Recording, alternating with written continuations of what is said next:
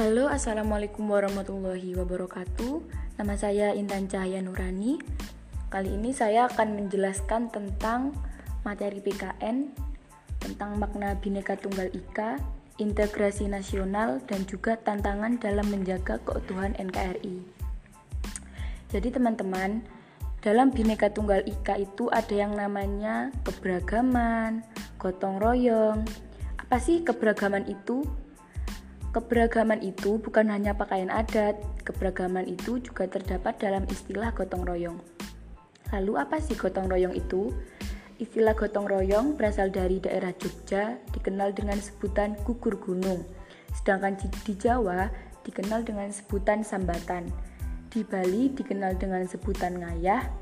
Di Madura disebut dengan sebutan song osong lambung.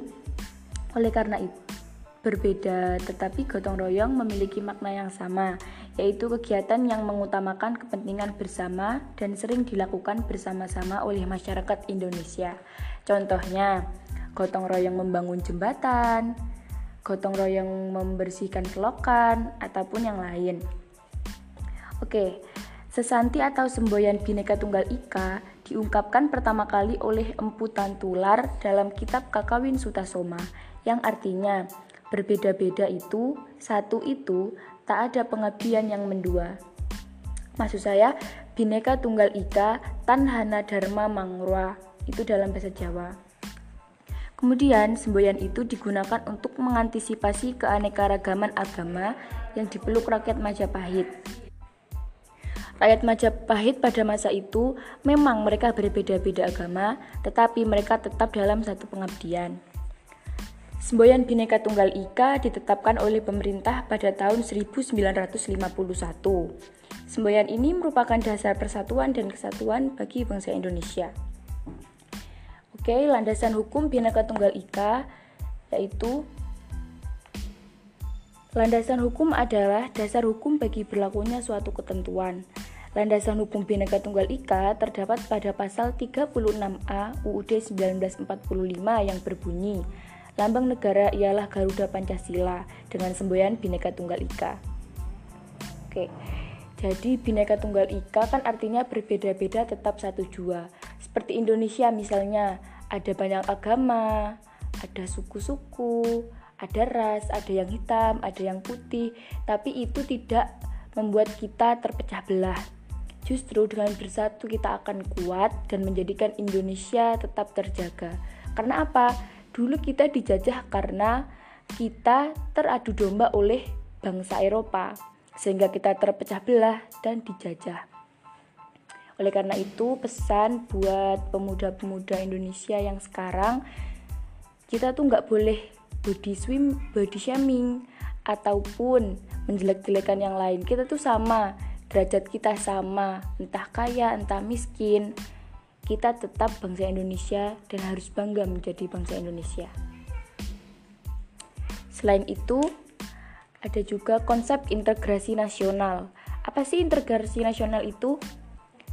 Integrasi nasional adalah upaya menyatukan seluruh unsur suatu bangsa dengan pemerintah dan wilayahnya. Integrasi nasional berasal dari dua kata, yaitu integrasi dan nasional. Berasal dari bahasa Inggris integrate artinya menyatu padukan, menggabungkan, mempersatukan. Dalam BBI, integrasi artinya pembaruan hingga menjadi satu kesatuan yang bulat dan utuh. Yang terakhir, tantangan dalam menjaga keutuhan NKRI. Secara eksternal, Indonesia menghadapi berbagai tantangan seperti pemanasan global, terorisme global, dinamika lingkungan strategis kawasan Asia Pasifik, dan masalah perbatasan antar negara. Sedangkan secara internal, tantangan yang dihadapi adalah mengawal NKRI agar tetap utuh dan bersatu. Jadi ada dua pengaruh, yang pertama secara eksternal, yang kedua secara internal. Yang eksternal ini pengaruh dari luar, sedangkan internal dari dalam yaitu mengacu kepada kita bangsa Indonesia. Selain itu ada peran serta warga negara dalam menjaga persatuan dan kesatuan bangsa. Yang pertama, kesadaran warga negara. Yang kedua, hakikat bela negara. Yang ketiga, dasar hukum bela negara. Yang keempat, kesediaan warga negara melakukan bela negara. Yang kelima, bela negara sebagai bagian pertahanan negara. Maksudnya kesadaran warga negara itu gimana sih? Maksudnya kesadaran kita dengan menunjukkan tindakan warga negara yang bertujuan mempertahankan persatuan dan kesatuan bangsa. Seperti tadi, tidak body shaming, tidak menjelek-jelekan satu sama lain, dan saling menyayangi. Sekian dari saya, semoga bermanfaat. Wassalamualaikum warahmatullahi wabarakatuh.